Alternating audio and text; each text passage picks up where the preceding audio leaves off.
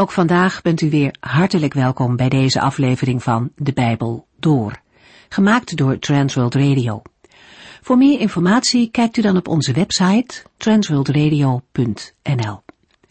In deze serie gaat u in vijf jaar tijd met ons de Bijbel door, van Genesis 1 tot en met het laatste vers in Openbaring 22. We lezen uit Jesaja. In de eerste hoofdstukken vinden we de ontrouw van Gods volk. In beeldende taal verwoordt de profeet dat Israël haar mooie plaats als volk van God niet naar waarde heeft geschat. De trouw van de Heere beantwoordt zij met ontrouw. We lezen in deze versen dat Israël de Heere uiterlijk nog diende, maar dat het hart van het volk zich ook richtte naar andere goden. En dat is kenmerkend voor afgoderij. Dan is er vaak sprake van een dubbele dienst, een beetje voor God en een beetje voor andere dingen. Maar met die dubbelheid kan en wil de Heere niet leven. Hij is een God van alles of niets. Naar ons toe is de Heere ook nooit halfslachtig in zijn liefde. Zijn liefde en trouw zijn onvoorwaardelijk. Alleen al daarom komt het hem toe dat ons hele hart naar hem uitgaat en niet slechts een deel daarvan. In het Oude Testament wordt ook duidelijk dat het dienen van afgoden gaat vaak hand in hand met sociaal onrecht. Weduwen krijgen niet de zorgen waar ze volgens de regels van God recht op hebben. En corruptie doet zijn intrede. En zo zijn er meer voorbeelden. De enige oplossing is een terugkeer naar God. Erkenning van zonden en berouw is de eerste stap naar herstel, voor mens en voor land. De hoop van dat herstel klinkt al door in Jezaja. Hoofdstuk 2 opent met een prachtig vergezicht. Het wijst vooruit naar een tijd dat mensen vanuit de hele wereld naar Jeruzalem reizen om de Heere te aanbidden. Niet alleen het volk Israël, maar overal vandaan zullen mensen komen die verlangend zijn om het woord van God te horen en te kennen. Nu lijkt dat nog zo ver weg. We kunnen het ons haast niet voorstellen, maar we mogen er vast op vertrouwen dat deze profetie op een dag zal uitkomen. Oorlogen en onrecht zullen verleden tijd zijn als de Heere zal regeren. Dat vooruitzicht is een aansporing voor Israël toen en voor ons nu, om te wandelen in het licht van de Heere. We luisteren verder naar het woord van God uit Jesaja 3. Terwijl Jesaja 2 begon met een heilsprofetie en vervolgt met het oordeel van de Heere over de zonden, is Jesaja 3 helemaal gewijd aan de verdere uitwerking van dat oordeel. De Heere klaagt Jeruzalem en Juda aan voor zonden als schaamteloosheid, onderdrukking en corruptie door de leiders van het volk, en trots. De volgende oordelen worden aangekondigd. In Jesaja 3 vers 1 een hongersnood. In Jesaja 3 vers 2 tot en met 7 wanbestuur en anarchie. In Jesaja 3 vers 17 tot en met 24 armoede en gebrek. En in Jesaja 3 vers 25 en 26 wordt oorlog aangekondigd met allerlei bijkomende ellende. De historische situatie van Jesaja 3 is moeilijk vast te stellen, omdat de bewoordingen erg algemeen zijn. Vanwege de aansluiting bij Jesaja 2 en vanwege de genoemde rijkdom en welvaart past Jesaja 3 het beste aan het eind van de regering van koning Uzia. De oordelen die in Jesaja 3 worden aangekondigd zijn dan in eerste instantie voltrokken tijdens de Syro-Eframitische oorlog. Jesaja 3 kan als volgt worden onderverdeeld. In Jesaja 3 vers 1 tot en met 12 gaat het over de anarchie in Jeruzalem. In Jesaja 3 vers 13 tot en met 15 volgt de aanklacht tegen de oudsten en edelen. In de versen 16 tot en met 24 volgt het wee over de trotse vrouwen en Jeruzalem als weduwe. Jezaja 3 vers 1 tot en met 3. God, de Heere van de hemelse legers, zal de voedselvoorraden en de watervoorraden van Jeruzalem en Juda uitputten en hun leiders doden.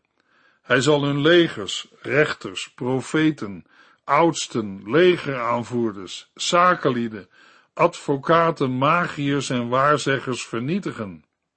In de Hebreeuwse tekst begint vers 1 met, want zie, de Heere van de hemelse legers. Daarmee wordt de beschrijving van het oordeel uit Jesaja 2 voortgezet. Opnieuw is het God, de Heere van de hemelse legers, die zal oordelen.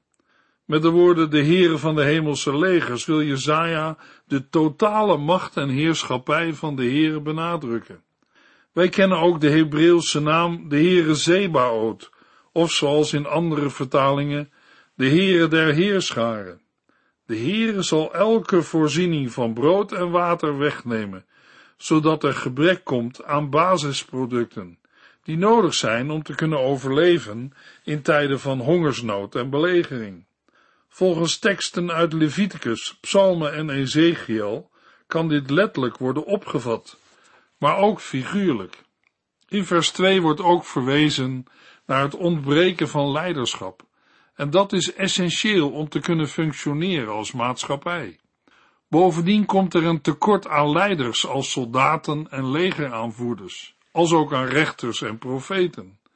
Over rechters en profeten als Gods voorzieningen voor zijn verbondsvolk lezen we in Deuteronomium 16 en 18.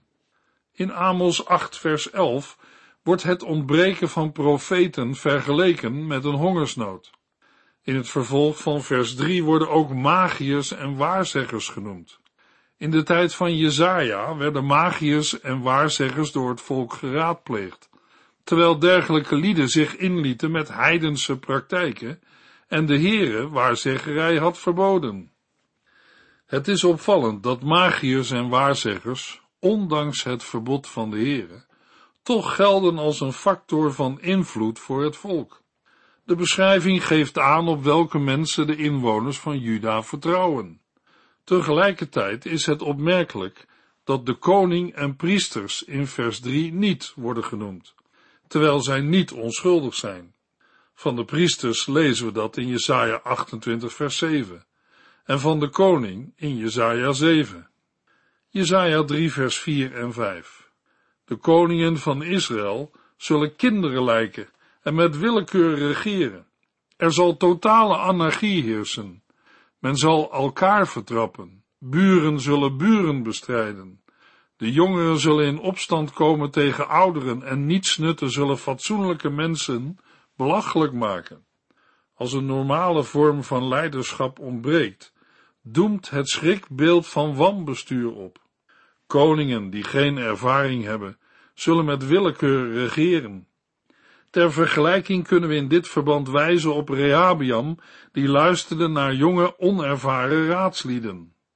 Als koningen met willekeur regeren, veroorzaakt dat zo'n groot gevoel van onveiligheid, dat iedereen opstaat tegen iedereen, zonder onderscheid van leeftijd of stand. Mensen verdrukken en tyranniseren elkaar. De normale orde die de Heere heeft gesteld, bijvoorbeeld ten opzichte van respect voor ouderen, vinden we in Leviticus 19. In een dergelijke chaos is er duidelijk behoefte aan mensen die verantwoordelijkheid durven te nemen als hoofd van de familie en van het land. Ook vandaag zien we de verwording van normen en waarden om ons heen. Daarbij gaat het niet alleen om jongeren, ook veel volwassenen doen eraan mee. Een goede aanleiding om onszelf weer eens onder de loep te nemen en te waken voor respectloosheid. De genoemde zaken zijn voortekenen van de eindtijd. In Matthäus 24, vers 7 tot en met 14 zegt de Heer Jezus, over de hele wereld zullen volken tegen elkaar strijden. Er zullen hongersnoden en aardbevingen zijn, maar dat is allemaal nog slechts het begin van de ellende. Dan komt er een tijd dat jullie gefolterd, gedood en overal ter wereld gehaat worden, omdat jullie bij mij horen. Veel van jullie moeten dan ineens niets meer van mij hebben. Die zullen de anderen haten en verraden. Er zullen veel valse profeten komen. Ze zullen velen op het verkeerde spoor brengen. Het kwaad zal hand over hand toenemen, zodat de liefde van de meeste mensen zal verkoelen. Maar wie dwars door alles heen aan mij vasthoudt, zal gered worden. Het goede nieuws over het koninkrijk van God zal overal ter wereld worden gebracht, zodat alle landen het zullen horen. En dan zal het einde komen. Luisteraar, laten wij de woorden van de heiland niet vergeten en ermee rekenen. Jezaja 3 vers 6 tot en met 8. In die dagen zal een man tegen zijn broer zeggen, Jij hebt de mantel, wees daarom onze leider, en neem deze puinhoop onder je hoede. Nee, zal hij antwoorden, ik kan jullie niet uit het slop halen. Ik heb geen eten of kleding. Je moet mij niet tot leider maken. Israëls regering is machteloos en Juda kan niets doen, omdat zij in woord en daad tegen de Heere zijn opgestaan en hem niet willen vereren. Zij beledigen openlijk zijn glorie. De eisen waaraan mensen moeten voldoen zijn zo minimaal dat iemand die goed gekleed is al voldoet om voor het leiderschap in aanmerking te komen. Maar de kandidaat weigert het aanbod om leider te worden, omdat hij geen verzorging of verantwoordelijkheid op zich wil nemen of kan nemen. Voor het woord leider staat in het Hebreeuws heelmeester of verbinder. In het oosten geldt de gewoonte dat als iemand tot welstand gekomen is, hij zijn noodlijdende familieleden onderhoudt. De vermelding van een heelmeester of een verbinder kan letterlijk bedoeld zijn, maar ook figuurlijk ten aanzien van de situatie van het volk. Jezaja ziet Jeruzalem en Juda al voor zich als gevallen, omdat zij in woord en daad tegen de Heere zijn opgestaan en hem niet willen vereren. Zij beledigen openlijk zijn glorie. De profeet kan zaken in de toekomst beschrijven alsof ze al zijn gebeurd. Met de heerlijkheid of glorie van de Heer wordt bedoeld de lichtglans als teken van Gods aanwezigheid in de wolk op de Sinaï, in de tent van de samenkomst, de tabernakel, de tempel. Met andere woorden, een verschijningsgestalte van de Heere zelf. De Heere beoordeelt Israël en andere volken naar hun relatie met Hem. Ieder volk is geroepen de Heere als schepper te eren en te dienen. Daarbij kan een volk niet koersen op het geloof van het voorgeslacht, maar wordt iedere natie ook zelf opgeroepen te geloven in de Heere en zijn Zoon Jezus Christus. Jesaja 3 vers 9 De uitdrukking op hun gezichten getuigt tegen hen en laat zien dat zij schuldig zijn. Ze spreken onbekommerd over hun zonde, net als men in Sodom deed. Zij schamen zich er zelfs niet voor. Het loopt slecht met hen af maar het is hun eigen schuld. Concreet betekent dit dat de zonde van partijdigheid bij de rechtspraak aanwezig is, en ook dat mensen schaamteloos spreken over hun zonden, zoals dat gebeurde in Sodom. Wat vroeger in het donker of verborgen gebeurde, en waar niemand over sprak, is nu openbaar geworden. Zij spreken onbekommerd over hun zonde. Zij schamen zich er zelfs niet voor maar de Heere zal er zonder schuldbeleidenis en verzoening niet aan voorbij gaan. Jesaja 3 vers 10 en 11 Maar met de rechtvaardige en godvrezende man gaat het goed. Een grote beloning staat hem te wachten. Maar met de goddeloze loopt het slecht af. Ook hij krijgt zijn verdiende loon. Maar zoals Abraham bij de Heere pleitte, ten behoeve van de weinige rechtvaardigen in Sodom, en de Heere zelf afdaalde om de situatie te bezien. Zo wordt ook hier onderscheid gemaakt tussen de rechtvaardige en de goddeloze. Beiden zullen loon naar werken krijgen, het zij positief, het zij negatief. De Heere belooft een grote beloning aan mensen die hem dienen. We lazen al eerder in Gelaten 6, vers 7 tot en met 9. Maak uzelf niets wijs. God laat niet met zich spotten. Wat iemand zaait, zal hij ook oogsten. Wie naar de oude menselijke natuur leeft, kan alleen maar dood en verderf verwachten. Maar wie door de Heilige Geest leeft, zal ervaren dat de Geest eeuwig leven geeft. Laten wij nooit ophouden met goed doen, want na verloop van tijd zullen we de zegen ervan oogsten, als wij tenminste niet opgeven. Jesaja 3 vers 12 Ach, mijn volk, uw verdrukkers zijn nog maar kinderen, en vrouwen overheersen u. Uw leiders zijn misleiders geworden. Zij maken de rechte weg die voor u lag tot een doolhof. Toch toont het herhaalde mijn volk in vers 12 dat de band tussen de Heer en zijn volk bewaard blijft. Er is tussen de verschillende Bijbelvertalingen een opmerkelijk verschil in vertaling, waarbij het gaat om de vraag wie het onderwerp is in vers 12. Het verschil is terug te voeren op een verschillend lezen van de Hebreeuwse grondtekst. Bij alle verschillende lezingen is de conclusie dat de zogenaamde leiders eigenlijk misleiders zijn. Van de tiende tot de achtste eeuw voor Christus voltrok er zich sociaal een grote omwenteling, in die zin dat er een klasse ambtenaren ontstond die profijt trok van hun functies en van gunsten door de koning verleend. Anderen verrijken zich via handel. Voor hen allen geldt. Zij maken de rechte weg die voor u lag tot een doolhof. Jezaja 3 vers 13 tot en met 15. Maar de Heere maakt zich klaar voor zijn rechtszaak, waarin hij de volken als beklaagden oproept. De eersten die de Heere zal aanklagen zijn de oudsten en de edelen, want zij hebben de armen beroofd. Ze hebben hun huizen met hun buit gevuld. Wat bezielt u dat u mijn volk vertrapt en weerlozen mishandelt? Zal de Heere van de hemelse legers hun vragen. De aanklacht komt tot een climax, zodat de Heere zich klaarmaakt om het vonnis uit te spreken. De leiders van het volk worden nu rechtstreeks aangesproken. Zij hebben hun huizen met hun buit gevuld. Wat bezielt u dat u mijn volk vertrapt en weerlozen mishandelt? De vraag klinkt welk recht zij hebben om Gods volk te vertrappen en de armen te mishandelen. De wet van de Heere verbiedt uitdrukkelijk diefstal en roof. De koning heeft tot taak de armen te beschermen en de onderdrukker te veroordelen. Jezaja spreekt deze woorden uit namens de Heere van de hemelse legers. Jezaja 3 vers 16 Daarna zal hij de verwaande vrouwen van Jeruzalem berechten. Zij schrijden door de straten met hun neus in de lucht en met rinkelende ringen om hun enkels. Begeerig lonken zij naar de mannen.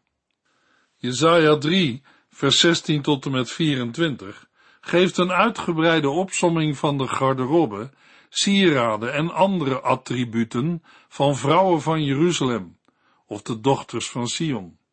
Omdat het in Jezaja 3 vers 13 tot en met 15 ook over de leiders van Juda ging, is het goed mogelijk dat het in Jesaja 3 vers 16 tot en met 24 niet alleen gaat om de weelderige vrouwen van Jeruzalem, maar om alle vrouwen in heel Juda.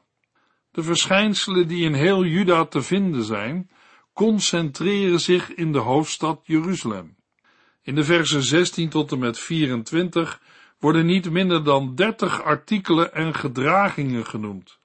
Vergelijking van verschillende vertalingen leert dat er onzekerheid is over de precieze weergave van bepaalde termen.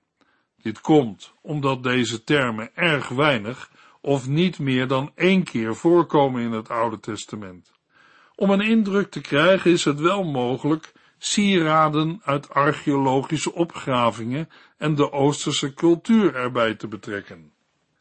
De opgravingen in Jeruzalem hebben grote hoeveelheden sieraden opgeleverd uit de periode van de ijzertijd tot de Romeinse tijd.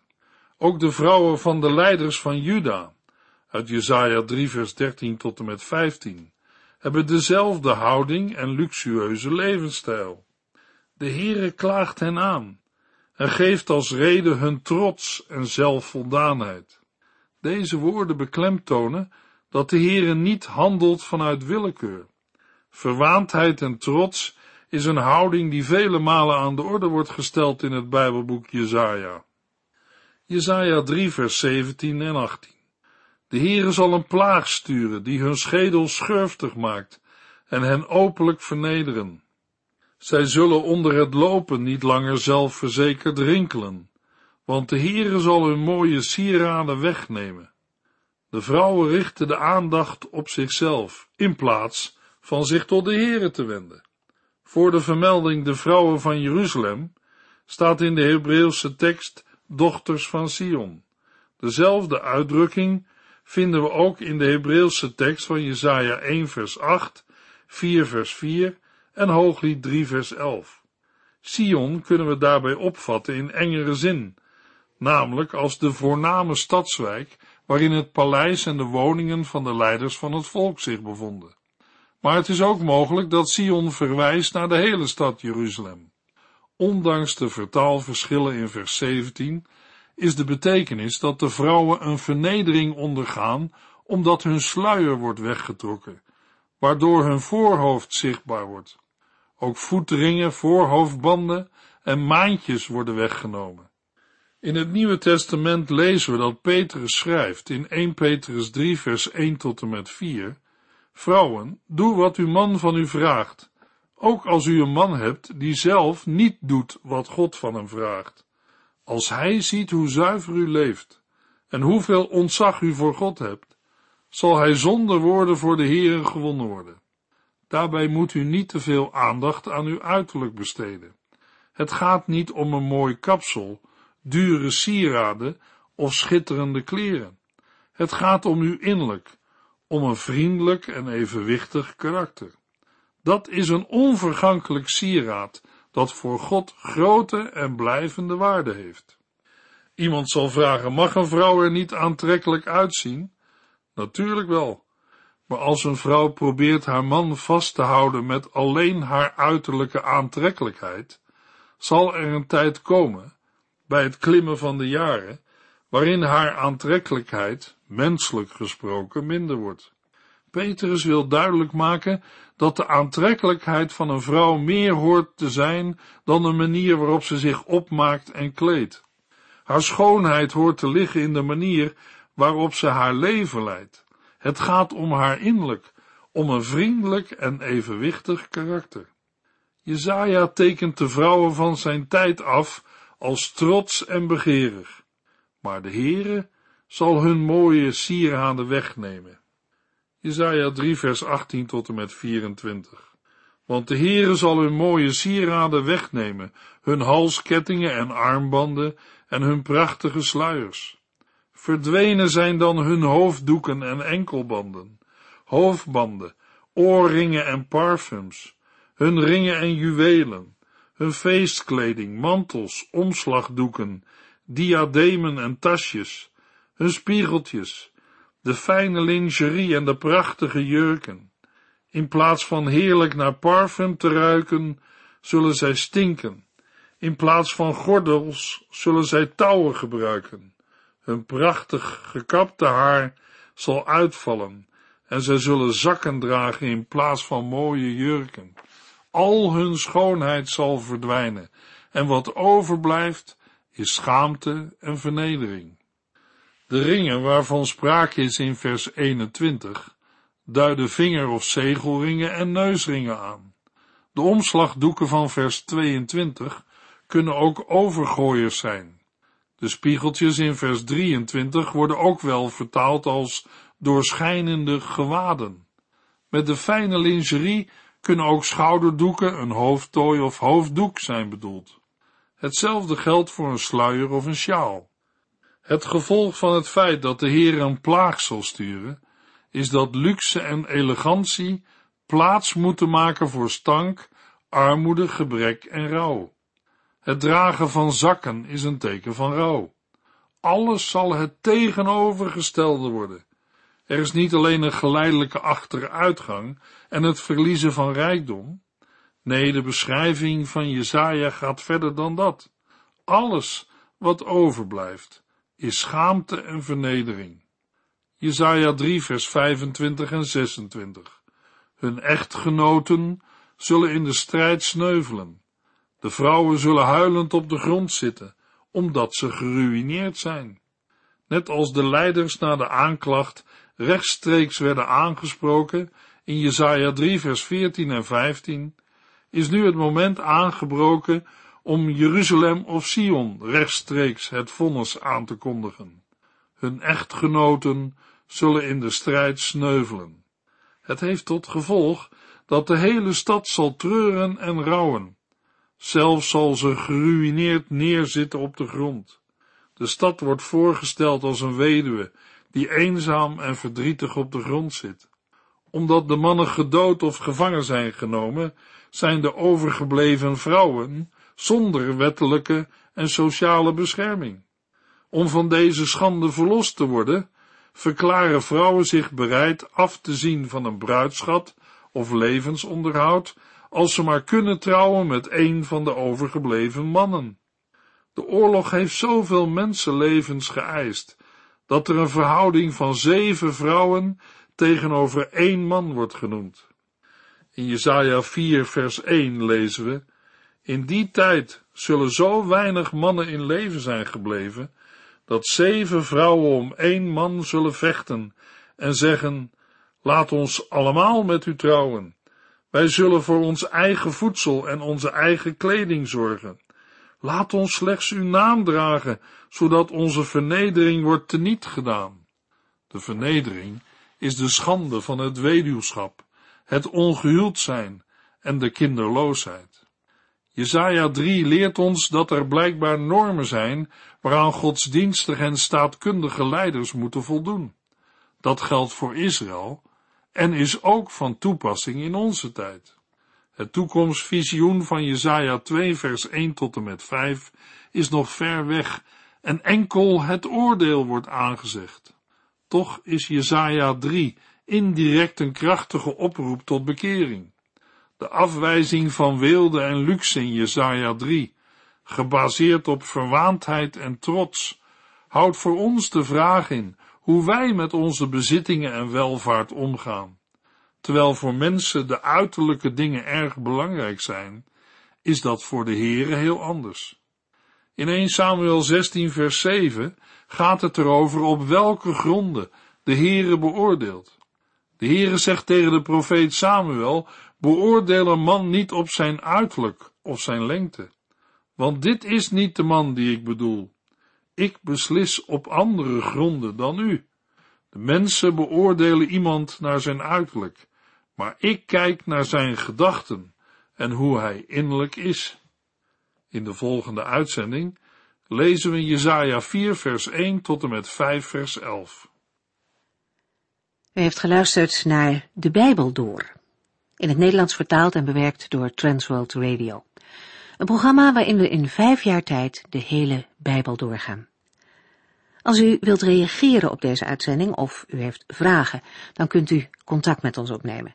Tijdens kantooruren kunt u bellen op 0342 47 8432 0342 47 8432.